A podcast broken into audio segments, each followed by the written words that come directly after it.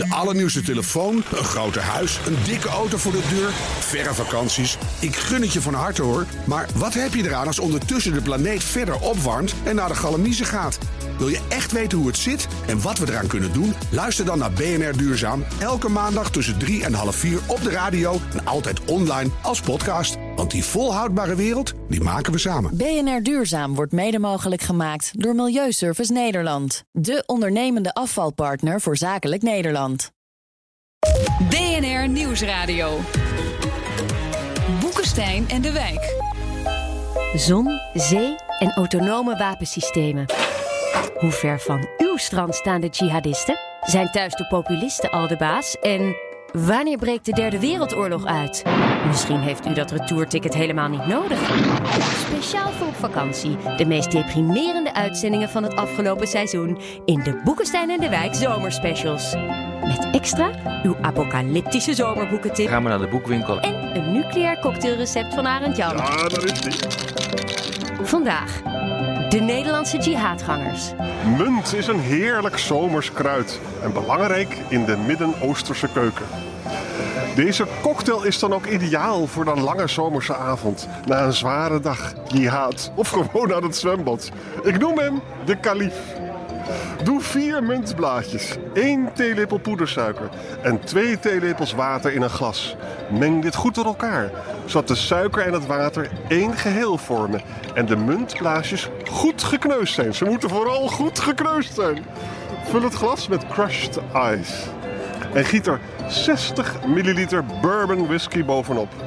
Ik heb wel eens gehoord dat Baghdadi daar ook dol op is. Tot slot roer je het geheel goed door elkaar totdat je een ijskoude cocktail voor je neus hebt. Bij de imam noemt hij het een ijsthee. Bij de barman bestelt u hem als de mint julep. Terugkeer uit het kalifaat. Een IS'er die naar huis wil. My country wants me, then I. You take her to the Netherlands. Mooi niet. If that's possible, yeah, I would very much like that. Ik erg, maar daar heeft hij eh, voor gekozen. De premier die zegt dat mensen beter kunnen sneuvelen dan voor de rechtbank Oké. komen. Stel ze hebben kwade bedoelingen, kunnen ze beter gecontroleerd terugkomen. I understand uh, any government's fear of foreign fighters. Vast worden gezet op een terroristenafdeling, worden berecht.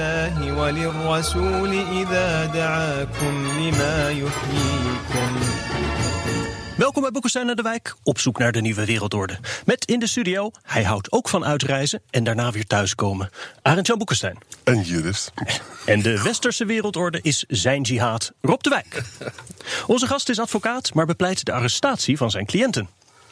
Zoekt u dus nog een advocaat? Denk dan twee keer na over. Sorry. Welkom, André, André dankjewel. Eh, meneer Severs, u eh, verdedigt veel Syriëgangers die terug willen. Wie zijn dat? Wat kunt u over hen vertellen? Nou, onder andere veel vrouwen en kinderen die in kampen zitten in Noord-Syrië momenteel. En ook een aantal eh, mensen die ervan worden verdacht dat ze hebben gestreden en ook gedetineerd worden eh, in het noorden van Syrië door Koerden. Dus met kijken of we die terug kunnen laten komen. Arjan, wij hadden het hier vorige week al eventjes over na de vorige uitzending. En toen zei hij, ik weet eigenlijk niet zo goed wat ik hier nou van moet denken. zo dat- ken ik jou niet. En dat is deze week nog erger geworden. Kijk, aanvankelijk was mijn standpunt van... luister eens, we hebben de Koerden al zo erg belazerd. En- En nu gaan we ze met onze jihadisten ook nog eens opzadelen. En ik vind het beter dat ze dan hier berecht worden... dan dat ze nergens eh, berecht worden. En bovendien, als je ze daar laat, dan komen ze misschien zelf... al dat soort argumenten. En toen begon ik me te verdiepen. En toen las ik dus dat advocaten al hele slimme plannetjes hebben. Een prachtige juridische redenering hebben... waarbij ze bijvoorbeeld zeggen van... eh, Gaan we zo horen? eh, Den Haag heeft zelf ook uh, jihadisten gesteund. En dat betekent dus dat dat dan misschien met mensen maar drie, vier jaar in de bak gaan.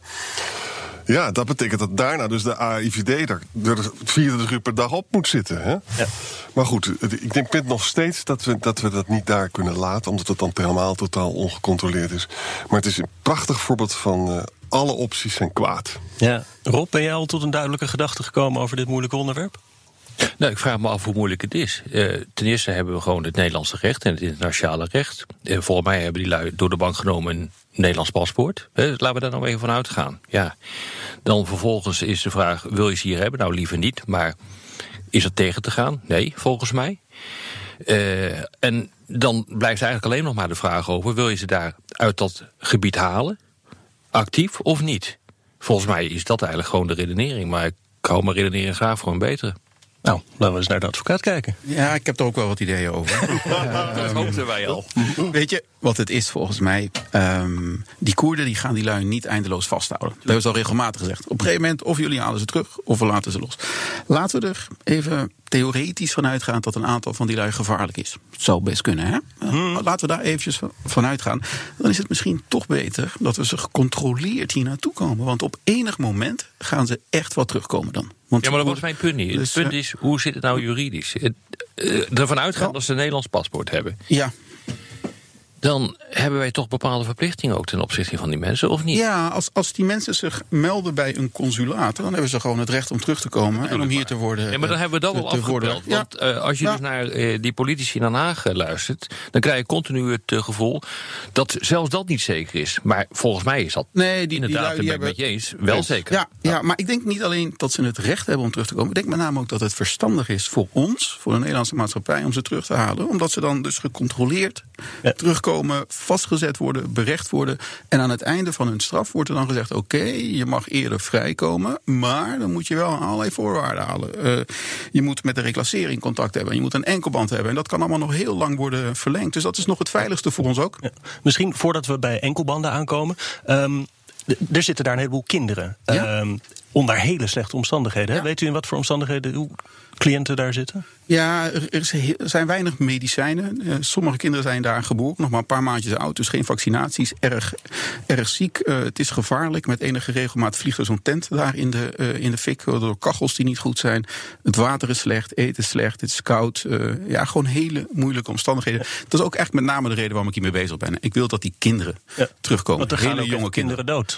nog geen Nederlandse kinderen, maar wel veel kinderen van andere nationaliteiten. Ja, er zijn veel kinderen overleden in die kamp inmiddels. En de kinderen die eh, tot uw cliënten behoren, of dan de, de moeders, denk ik. Ja. Die kinderen, dat- dat zijn ook Nederlandse burgers. Ja, ja, als de moeder een Nederlandse nationaliteit heeft, en dat hebben ze allemaal, dan zijn die kinderen ook, eh, die hebben, hebben ook de Nederlandse nationaliteit. In sommige gevallen moet het nog wel bewezen worden. Ehm, bijvoorbeeld aan de hand van een DNA-test. Maar het zijn wel Ja, allemaal Nederlandse kinderen als we kunnen vaststellen dat ze bij die moeder horen. Ja. Dat, dat, is, dat kan toch eigenlijk niet? Hè? Dat we Nederlandse kinderen in Natuurlijk zo'n kan dat wel. zitten? Oh, ik bedoel, ja, nee, hoor nou eens, eh, die lui die zijn zelf naartoe gegaan. Die, Die kinderen niet? Nee, die ouders, die kinderen niet, maar die ouders wel. Ja, eh, ja dit hoort er wel bij hoor. Ik, ik, ik begrijp jou, eh, jouw medemenselijkheid op dit, dit punt. Ik kan me dat goed voorstellen, maar aan de andere kant. Ja, dit, dit hoort er ook wel bij. Nee. Eh, eh, hier ligt echt wel de primaire verantwoordelijkheid eh, bij, bij de ouders. Die hebben willens en wetens die kinderen in die situatie gebracht. En ik zie niet goed in dat dat nou de primaire reden is om ze daar vandaan te halen. Wat wel de primaire reden is, gewoon veiligheid. Is het veiliger om ze hier naartoe te halen? Ik denk dat dat zo is. Of laat je ze daar zitten? Ik denk dat dat, dat dat de vraag is. Maar kinderen moet je natuurlijk nooit eh, verantwoordelijk houden voor het gedrag van hun ouders. Hè? Nee, maar de ouders wel. Nou, en de ouders wel, maar, maar dat betekent. dus- Ik, ik heb ge- gelezen dat de Russen, heel interessant, de Russen hebben dus vanaf vorig jaar al mensen teruggehaald, waaronder de kinderen. En die worden dan eh, berecht en die kinderen worden uit, eh, uit die familie gehaald. Worden geadopteerd. Dat is interessant, hè? Thierry Baudet luistert vaak naar Rusland, dus kan hem nog misschien inspireren. Hoeveel wezen zijn er eigenlijk? Weet jij dat? Hoeveel wezen zijn er eigenlijk? En ik vraag het niet voor niks. Ik, ik sta er twee, ik sta twee, twee wezen bij. Probeer ik nu terug te, terug te krijgen. Ik, ik kan niet zo goed inschatten hoeveel er, Eh, kijk, hoe- want hoeveel er als je zijn. naar Frankrijk kijkt, eh, maar dat, Amerikanen hebben dat ook gedaan. Die hebben dus gewoon, die zijn bewust op uh, jihadistenjachten gegaan. Hè? Ja. In, eh, Ja. in, Zowel in Irak als in, eh, in Hun- Syrië. hun eigen jihadisten. Ja, ja, Ja. Trouwens, ook in, niks. trouwens ook in Afghanistan. Eh, in Afghanistan circuleerde op een gegeven moment ook een lijst van 200 jihadisten die ja, feitelijk geëlimineerd eh, zouden mogen eh, worden. En Fra- Frankrijk heeft gewoon geprobeerd om zo'n lijst zeg maar, af te werken in, in het Midden-Oosten. Dus daar moeten gewoon toch vrij veel, zou je dan denken, ook wezenen uit voort zijn gekomen. Dat kan bijna niet Dat anders. zou goed kunnen. In ieder geval, weet je wat wel duidelijk is? Dat het allemaal hele jonge kinderen zijn. Ik geloof dat eh, 10% of zo ouder is dan 10 jaar. En de rest is allemaal Nou ja, eh, dat is nog- niet zo raar natuurlijk. Nog, nog bedoel, veel je gaat jonger. gezellig naar het Nee. eh, kalifaat. Dat heeft eh, niet langer dan een paar jaar bestaan. En dan begin je het met zegt- elkaar te doen en dan ontstaat er een kind. En Ja. dus ik bedoel, die kinderen kunnen ook niet oud zijn. Nee, maar het zegt misschien iets over hoe gevaarlijk het is om, eh, om, om ze terug te halen. Eh, hele jonge kinderen, dat zal het gevaar toch wel meevallen. Twee, drie jaar oud, Ja, een paar maandjes. Ja, dus, eh, Maar zegt dus- u dan, dus dat- die kinderen moeten terug? En zegt u dan, die moeten dan hier in een pleeggezin? Of zegt u dan, ja, dan moeten de moeders ook terug... want je mag ouders en kinderen niet scheiden? ik, ik denk dat de moeders dan in wezen ook terug kunnen. Oh ja, maar dan Terug krijgen we moet- een soort kalifaat gezinshereniging hier. Die moeders die zullen meteen vastgezet worden en die zullen dan dus berecht, eh, berecht worden. Maar de Raad voor de Kinderbescherming die heeft plannen voor die kinderen allemaal, eh, Mhm. waar ze terecht kunnen komen. Overigens, de meeste die kunnen in eh, gezinnen terechtkomen die volstrekt niet geradicaliseerd zijn. Hè. Het is niet zo dat als de mensen die er naartoe zijn gegaan, dat het gezin wat hier achterblijft, ouders en zo, dat dat allemaal eh, radicalen zijn. Volstrekt, volstrekt niet. Vaak, dus die zitten Maar die kinderen worden dus gescheiden van de moeder. Dat is volstrekt duidelijk. Want die Ja. moeder gaat de gevangenis in. Ja, en er zijn gevangenissen in Nederland, een paar, waar je een paar maandjes nog bij je moeder kunt zijn. Maar daarna dan eh, worden die kinderen En gescheiden. daar is ook een juridische basis eh, voor. Om ze te scheiden. Ja. als jij in de gevangenis zit, alleen al. Dat is alleen al Oh ja, reden om te zeggen: joh, daar kan je moeder niet, daar kan je kind niet lang blijven. Dus dat, eh, die, die gaan dan uit elkaar. Een vraag over de berechting. Dat is natuurlijk heel moeilijk. En en we hebben ook onvoldoende informatie. Ik las dat de FBI gaf een loonlijst door. Ja, ja, ja. ja. die een beetje veelomvattend is, zou dat, zou- Ja. is, dat is wel echt bewijs, lijkt me. Hè? Ja, dat kan wel als bewijs worden gebruikt. Als Ja, Arendtje ja. Boekenstein 10.000 dollar, dan is het, heeft Arendtje toch wel een probleem. Ja, als, als het het enige is, misschien niet, maar als er maar iets meer is, wel al snel. Ja, Ja, ja. ja, Ja, kan wel een probleem. sowieso hoor, als hij 10.000 dollar heeft. hoor. Hoeveel krijg ik? Ik ben, eh, ik ben een Jiddische vrouw. Ik heb niet gevochten, maar ik heb, ben er naartoe gegaan. Ik ben daar getrouwd met een man die dat wel heeft gedaan. En ik heb wat eten gekookt. En eh, dat is, wat krijg ik dan? Een jaartje, anderhalf, die orde van grootte moet je denken. En je echtgenoot die krijgt een jaartje of vijf, zes. En daar zit je ongeveer twee derde van uit, van die vijf, zes jaar. En dan kom je dus met voorwaarden, ga je dan vrijkomen. Als je zegt, ik ga maar aan die voorwaarden Een houden. aantal experts toch wel een probleem, hè, dat dat tekort is. Hè, als ik eh, mijn collega Edwin Bakker eh, hoor, die zegt van je moet ze echt heel lang achter de tralies. eh, Ja, maar wat kan je bewijzen? Ja, en, en daar zit vaak het probleem ook. Hè. We weten niet wat daar precies is gebeurd. Dit zijn de straffen die een beetje worden opgelegd als we niet precies weten wat daar is. Ja, dan is het gewoon een wat- deelname aan een terreurclub. Daar komt het een beetje op neer. Je bent er geweest en eh, je beweert dat je een bakker was. Prima. Maar een bakker die heeft ja, de IS ook geholpen. Bakkers dan eh, Dus, ineens. Ja. Heeft u ook strijders onder uw cliënten? Ja.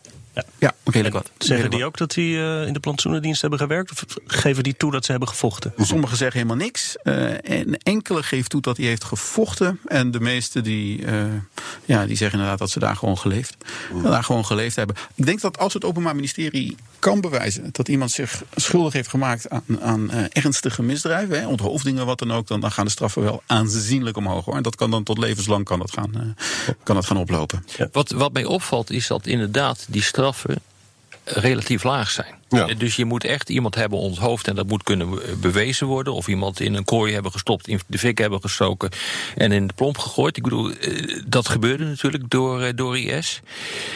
Ehm, maar waarom is dat zo? Ik bedoel, het, het, het, het feit dat je alleen al je aansluit bij een jihadistische organisatie moet toch al meer dan voldoende zijn om iemand voor lange jaren achter de tralies Nee, dat- dat- waarom is dat niet zo? Dit, dit lijken redelijk afgewogen straf hoor. Ze zijn omhoog gegaan de laatste jaren. Het begon met twee, drie jaar wat ze, wat ze kregen. Maar wat er vaak wordt meegenomen is dat iemand jaren geleden daar naartoe is gegaan. Dat kan zijn geweest met goede bedoelingen. Ik ga er naartoe om te strijden tegen, Tegen Assad. Assad, en ja. eh, die onderdrukt eh, moslims en, en noem maar op. En dat, eenmaal daar kom je niet meer zo makkelijk terug. Dan zit je in een hele lastige situatie. Ze pakken je paspoort af. Eh, als je zegt dat je terug wil, dan kan je onthoofd worden. Dus, en, en dan is er geen bewijs dat je daar je schuldig hebt gemaakt aan misdrijven. En dan kom je op zo'n vijf, zes jaar uit. Dus vier jaar zitten op een terroristenafdeling. Ook niet, eh, ook niet mis. Dus dat is wel redelijk afgewogen. Er zijn landen trouwens waar je niet eens wordt berecht. Hè. Ja. In Zweden tot voor kort Ja. zei men is goed. Kom Ja. maar eh, en, en we gaan je helpen, we gaan je helpen reïntegreren. Ja. Dus eh, in Nederland begon het trouwens ook op die manier. Hè? Iedereen, Ze keken eerst als je terugkwam, hebben we bewijs tegen je? Zo niet, ga je reintegratietraject in. Dat is nu anders. Eh, nu, nu wordt iedereen automatisch vastgezet als hij terugkomt. Straks retour-jihadisten als Europees probleem. Na uw apocalyptische zomerboekentip van de week. Ian Kershaw, Rollercoaster, Europe 1950-2017. Hij heeft eerst een, de eerste sequel is dus van eh, de periode van de eerste helft van de, van de 20e eeuw. Een heel belangrijke historicus. En grappig genoeg sluit het in zijn conclusies ook aan bij Robert. Hè. Ook hij zegt van, je kunt alles van Europa nu zeggen en van het Westen, maar dat was het meest vreedzame periode die we gehad hebben. Hij kijkt dus ook met een positieve blik naar het Europese project. Uh, maar is wel bang uh, dat, het nu, uh, dat, er nu, dat het aan het aflopen is. Want ja, ongelijkheid neemt toe en met name autoritaire leiders komen aan de macht. Uh, economische en migratiecrisis. Allemaal onderwerpen die in onze uitzendingen voortdurend naar voren komen. Staat hier ook in. En ik vind het, het is heel mooi geschreven. Rollercoaster Europe 1950-2017. Nieuwsradio. Boekenstein en de Wijk. Op zoek naar de nieuwe wereldorde. Dit is Boekenstein en de Wijk. En dat programma is natuurlijk niet zonder Arend-Jan Boekenstein en Rob de Wijk. Mijn naam is Hugo Reitsma. En onze gast is André Sebrechts, terreuradvocaat. of wat, wat is het favoriete scheldwoord dat u naar uw hoofd krijgt als u vertelt wat u doet voor de kost? Ik hoorde laatst Allahu Akbar André. en jihadlul komt er redelijk vaak langs. Oh ja, dat, ja, ja, ja. Zullen we even van het juridische naar het meer politieke? Want we hebben het nu nadrukkelijk over deze kwestie, omdat Trump heeft gezegd: ik ga daar weg. Ja. En jullie, Europa, neemt maar je eigen mensen terug. Heeft hij daarmee ook niet een beetje een punt? Nee. Nee. nee, ik vind eerlijk gezegd uh, dat je zo niet met je bondgenoten om kan gaan. Uh, dan moet je zeggen van laten we eens even hierover gaan praten met z'n allen. Maar dit gooit alleen maar weer olie op het vuur. En bovendien, weet je, dan laat je ze los of je geeft ze over aan Assad. De rechtmatige president van, uh, van Syrië. Dat ah. kan je dus ook nog doen. Hè? Ik bedoel, oei, oei, oei, nee. ja, nee, advocaat ja, kijkt bedenkelijk. Het klinkt, het klinkt niet fijn, maar de, de, legitieme leider van Syrië, hoe je dat bent of keert, is Assad. Uh, uh, het Koerdische gebied is onderdeel van, van, van Syrië. Mm -hmm. uh, dat heeft zich de facto afgeschoten, maar feitelijk, feitelijk niet.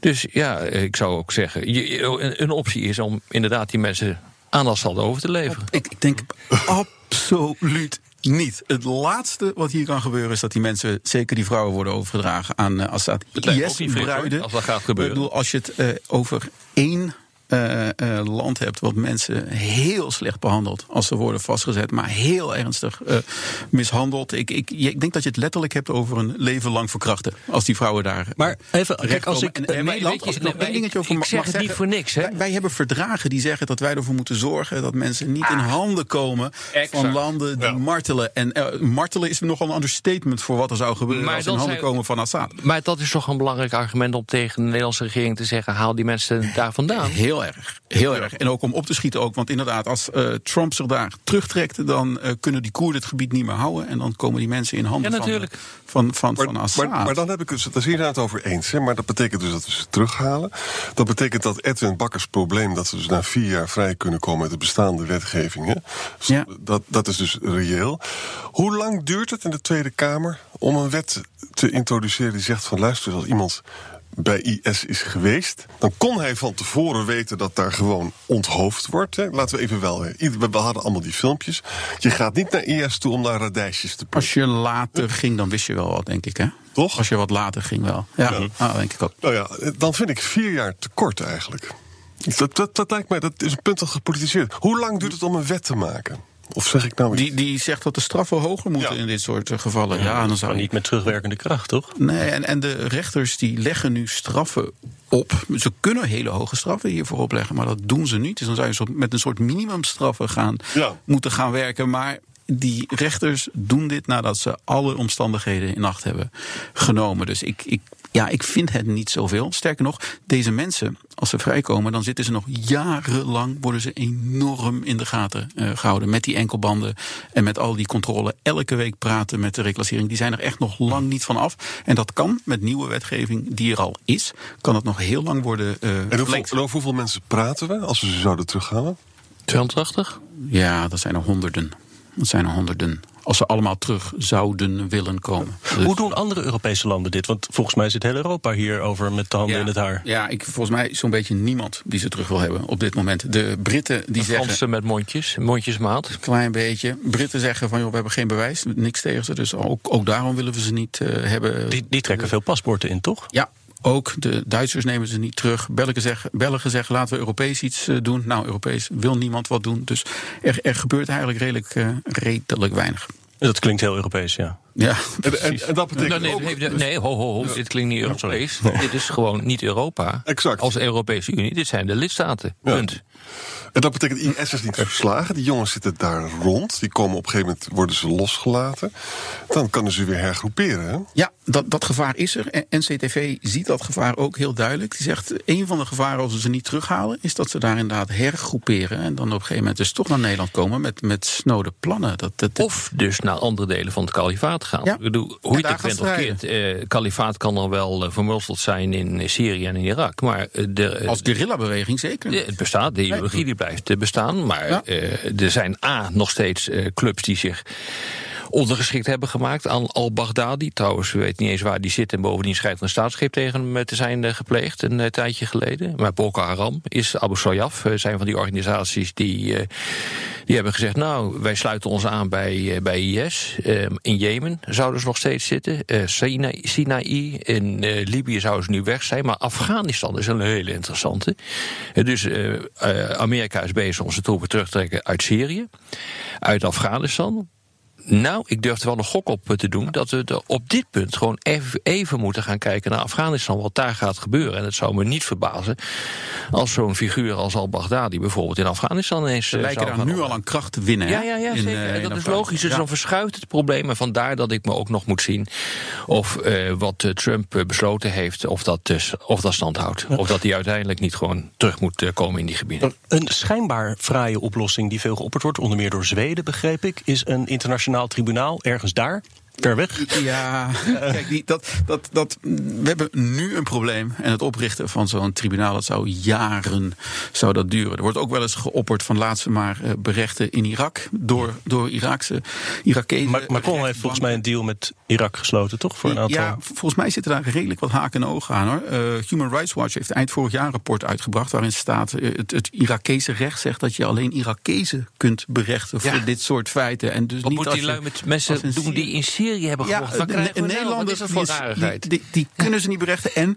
er zijn nogal wat probleempjes ook met martelen en eerlijk proces. En wat van die details in eh, Hmm. Irak, zullen we maar, zullen maar zeggen. Dus dat lijkt ook geen oplossing te zijn. De meest serieuze, meest veilige oplossing lijkt vooralsnog minst van alle kwaden dan maar Nederland. Niet ideaal, minst slechte oplossing. En zo'n tribunaal, dat is natuurlijk hartstikke leuk. Hebben wij niet Den Haag als stad van vrede en recht? Oh, je wil ze naar Den Haag halen. Jij woont daar, hè? Hier niet van allerlei tribunalen hebben in Den Haag. Dus ik zou zeggen, Den Haag zou dan een fantastische vestigingsplaats zijn. Maar daar hoor ik politici niet over. Nee.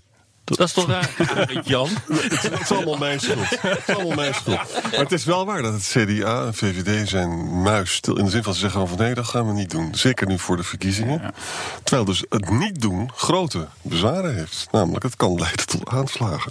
De, de oplossingen momenteel lijken niet zozeer van politici te komen als wel van rechters. hè. Er is een rechter geweest begin januari die gezegd heeft, de officier van justitie, ik wil dat je stapt naar de minister en dat je vraagt aan de minister om contact op te nemen met die Koerden en te zeggen, breng ze alsjeblieft hier naartoe, want we willen ze hier eh, berechten. Dus eh, dat, dat, dat gaat misschien voor een doorbraak zorgen. Wat we eigenlijk nog niet hebben genoemd. eh, we hebben nu net het over de daders. Maar de slachtoffers wonen er ook veel hier. Je- Jezidis bijvoorbeeld. Weer eh halve familie is uitgemoord. Die komen dan dus over vier jaar de dader tegen op een Nederlandse straat. Bij de Ja. Albert Heijn. Ik, ik heb daar nog niks van gehoord. Ook in zaken heb ik niet gezien. Nee, dat komt dan over vier jaar. Ja, dat, ja dat, dat zou kunnen. Het zou natuurlijk wel verschrikkelijk zijn. Dat zou wel heel heftig zijn. Maar ik, ik heb daar nog, gebeurd nog niks van eh, gezien. Ja, Ja, ja, het is gebeurd al. Ja. ja. ja. Maar is hier dan dus de. Bedoel, ik snap die, die conclusie van misschien toch het handigste hierheen. Maar is dat ook uiteindelijk rechtvaardig? Want dan straf je ze voor heel weinig. En- Je, je, als je, kijk, zo werkt het in een rechtsstaat. Als je bewijs hebt voor meer, straf je ze voor meer. Als je bewijs hebt voor minder, straf je ze voor minder. Niet ideaal, wel ons systeem en wel het beste. Maar de vraag is voor mij nog steeds: hebben we nou een keuze of niet? Als Nederland. Volgens mij niet. Ja, volgens mij hebben we dus ook gewoon geen keus. Als het gewoon Nederlanders zijn en ze komen hier naartoe, dan moeten we ze opvangen. Ja, weet je.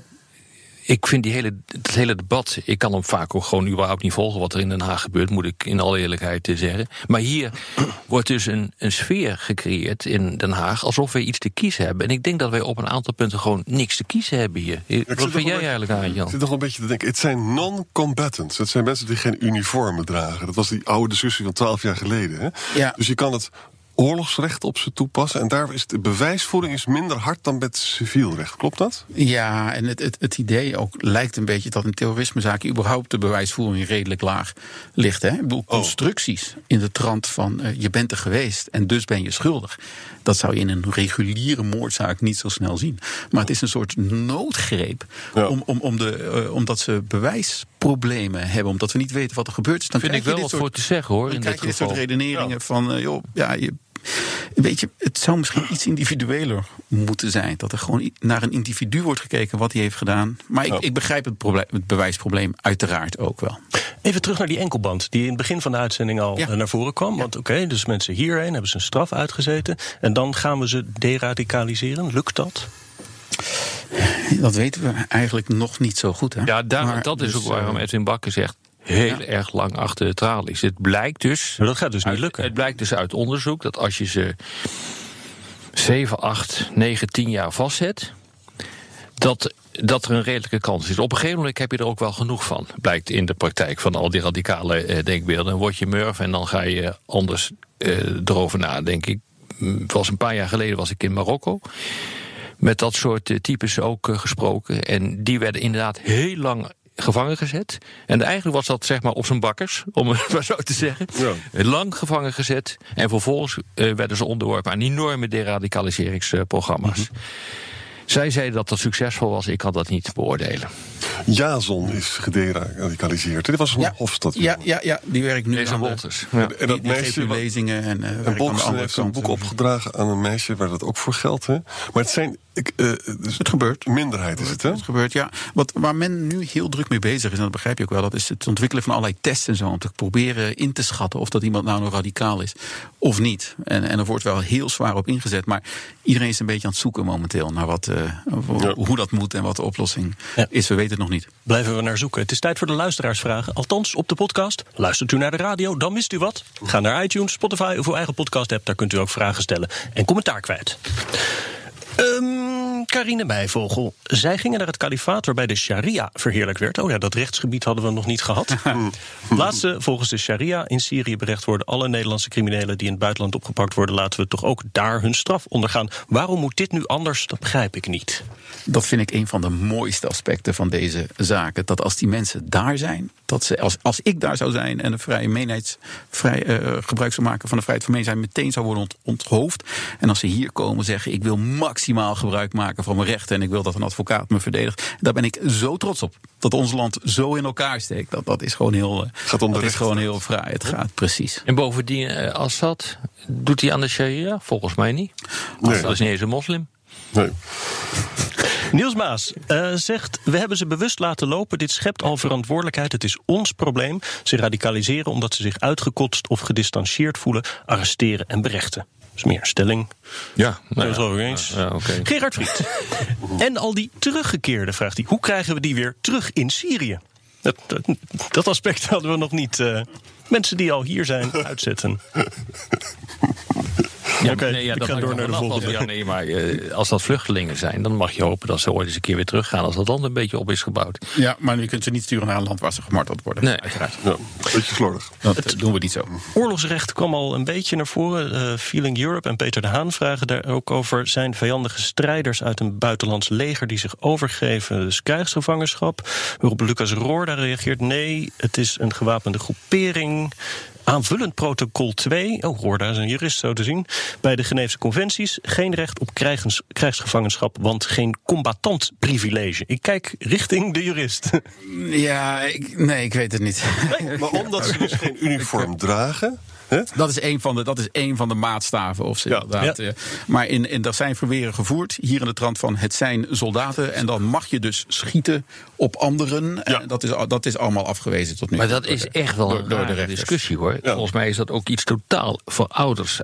Echt uit de oude doos. Want commandanten en non-commandanten, dat verschil kan je bijna niet meer maken als je het hebt over irreguliere oorlogsvoering. Daarin mhm. ziet iedereen er gewoon hetzelfde uit. En met name vroeger, toen IS echt heel groot was en ontzettend deed aan statebuilding, waren dat nog hele serieuze verweren ook. Hè? dit is gewoon één staat die tegen een ander aan het vechten is. En als jij dus in dat leger zit en, en je pleegt geen oorlogsmisdrijven, dan, dan kan jou niks kwalijk genomen worden. Maar goed, tot op heden zijn die verweren allemaal uh, verworpen. Maarten Prinsen vraagt: wat leert ons de geschiedenis hierover? Denk aan al die naties die na de Tweede Wereldoorlog niet de strop kregen, maar een goede baan in de wederopbouw. Ja, ja, dat gaat ook. Nou ja, kunnen, we, kunnen we de vergelijking met uh, de Tweede Wereldoorlog en met SS'ers hier. Nee, omdat het geen staat was. IS noemde zich een staat, maar het was geen staat. Het werd door niks werd het door iemand erkend? Nee, dat nee, niet echt. Hè? Dus dat werd niet erkend. Ze zaten in de, VN, uh, in, in, de, in de Verenigde Naties. Nee, dat kan je niet vergelijken. En Duitsland was wel een staat. En Duitsland wel, ja. ja nou, ik, ik denk ook meer in de zin van zoals wij naar IS kijken, dat is ongeveer hetzelfde gevoel als zoals we naar de SS keken. Ja, de parallel is het wat kijk, natuurlijk waar is dat er nogal wat uh, continuïteit is geweest tussen de naoorlogse Duitse elite en de, en de oorlogstijd, oorlogselite. En dat kwam natuurlijk omdat hoe kan je een land ooit opbouwen als er zoveel mensen in, bij de Weermacht zouden, om het zo maar te zeggen. Hè? Mhm. Uh, en, uh, maar dit is natuurlijk een. De getallen zijn natuurlijk nu veel kleiner. U hebt het over 280, hebben u het over? Die orde van grootte. Ja. Ja. Hm, ja. ja. Hier nog wat mensen die een lans breken voor. Uh, het uh, tribunaal-idee.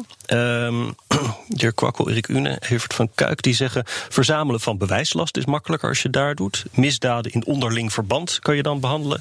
Afrekenen voor het oog van de wereld om soortgelijke initiatieven in de toekomst te ontmoedigen. Vergelijk proces Nuremberg. Hier, de Tweede Wereldoorlog komt altijd snel om de hoek. Uh, het geeft de slachtoffers kans om bij de zittingen aanwezig te zijn, zegt uh, Sandra van Baast. De informatievergaring is effectiever. En van veel hmm. argumenten hmm. daarvoor lokale berechting. Internationale strafhof zit ook gezellig in Den Haag. Gaat ook prima hoor met het verzamelen van, eh, van informatie. FBI alles. Televisie hebben we tegenwoordig ook en internet, dus je kan gewoon zien wat daar gebeurt. Nee, ik vind dat niet zo krachtige mhm. argumenten, want je krijgt gewoon nu, nu dan een, een discussie over waar moet, dat, waar moet zo'n hof dan gaan komen. Nou ja, en dan is dat is echt voor Nederland is dat natuurlijk een geweldige discussie. Met Den Haag als stad van vrede en rechten. Ja, die vind ik alle mogelijke moeite om, om die hoven hier te krijgen. En nu ineens niet. Dus hoe hypocriet kun je zijn wat dat betreft? Calculo ergo sum, het zijn allemaal Twitternamen. Die vraagt in hoeverre kan IS-ingezetenen een straf worden opgelegd die recht doet aan de gruweldaden als slavernij en de IS, die op individueel niveau lastig te bewijzen lijkt. Dat hebben we ook wel een beetje behandeld. Maar ja, nee, als, als het individueel te bewijzen is, hele hoge straffen. Als het niet te bewijzen is, geen straffen. Dat is de rechtsstaat. Dat moet zo. Ja. Want als je dat niet doet, dan is, is er toch een kans dat je iemand dus heel lang opsluit. Terwijl het niet klopt. Hè? Dat er daar geen harde bewijs zijn. En dat is de, Uiteraard, ja. de essentie van onze rechtsstaat. Maar het is wel een cruciaal punt hoor. Dat is ook een hele goede vraag die hier gesteld wordt. Omdat uh, dit ook. Het, het, uh, het druist in tegen je ethische opvatting. Ja, nogal. Uh, je vindt gewoon dat die mensen eigenlijk denk ik dat een hele hoop mensen vinden... die mensen moeten de doodstraf krijgen. Hmm. Maar dat durven ze dan niet te zeggen. Uh, dus dan moeten ze heel erg lang achter slot en grendel gaan. Maar we wonen wel in een rechtsstaat. En wat ik natuurlijk wel zie in het politieke debat is dat dat aan het verschuiven is. En dat baart mij ook grote zorgen. Ik vind ook wat dat betreft moeten politici pal achter die rechtsstaat eh, gaan staan en zeggen van wat er ook gebeurd is, we houden ons aan eh, de wet, maar we gaan niet om opportunistische redenen, omdat mensen daar een bepaald ethisch gevoel bij hebben, gaan we helemaal verschuiven naar een verkeerde kant. En dat zie ik eerlijk gezegd onvoldoende hoor. Ik weet niet hoe jij erover denkt. Ben je eens. Het betekent namelijk ook als je je straf hebt uitgezeten, dat je dan in principe dus een schoon, met een schone lei begint. Hè? Mhm. En dat gevoel is natuurlijk nu weg in de samenleving. Kijk, dat staat los van het feit dat het verstandig is dat de AIVD die mensen in de gaten houdt. Dat is gewoon wijsheid. Hè? Maar we hebben altijd recht op een tweede kans als we onze straf hebben uitgezeten. En dat gevoel is aan het eroderen, denk ik. Geert Vermunt, in hoeverre kan deelname aan een vijandige organisatie als argument worden gezien om het Nederlanderschap af te nemen?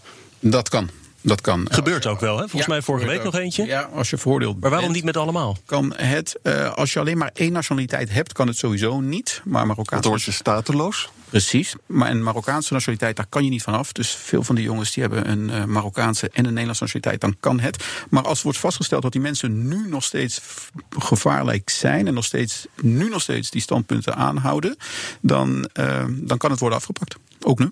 Dus zonder veroordeling dus. En dat betekent dus dat je naar Marokko kan gaan, moet gaan. Ja, waarbij het gevaar natuurlijk is dat je ook eerst gemarteld wordt en daarna stellen we een paar vragen. En, is, uh, en plus ook dat je, dat je daar ook misschien de ruimte krijgt om te hergroeperen en weet ik allemaal wel. Op een moment, het kan ook. Ja. Dus het is allemaal, dat, Ja. dat staat. Allemaal slechte oplossingen. Het is allemaal slechte oplossingen. Behalve die van Rob. Naar Den Haag met die mensen. een tribunaal hier. Dit was weer Boekenstein en de Wijk. Namens Arend-Jan Boekenstein en Rob de Wijk zeg ik dank voor het luisteren. Speciale dank aan André Sebrechts. Mogen het recht zegenvieren. En tot volgende week. Lang leven de rechtsstaat. ja, wij worden weer weggezet als de grootste linkse idioot. Ja, hier krijgen we problemen mee met deze uitzending. Hier krijgen we, ja, maar ik vind, ik vind het wel. Rechtsstaat is heel belangrijk. Ja. Rechtsstaat is heel belangrijk. Maar ze, zullen, ze vinden alles. Wij zijn pro-Europees. Ja, je moet Ja, was wel weer een, ik vond het een, een genuanceerde discussie. Maar dat, dat, dat zullen heel veel mensen inderdaad niet, eh, niet, niet zo hebben ervaren. Dat moet je niet zo vinden.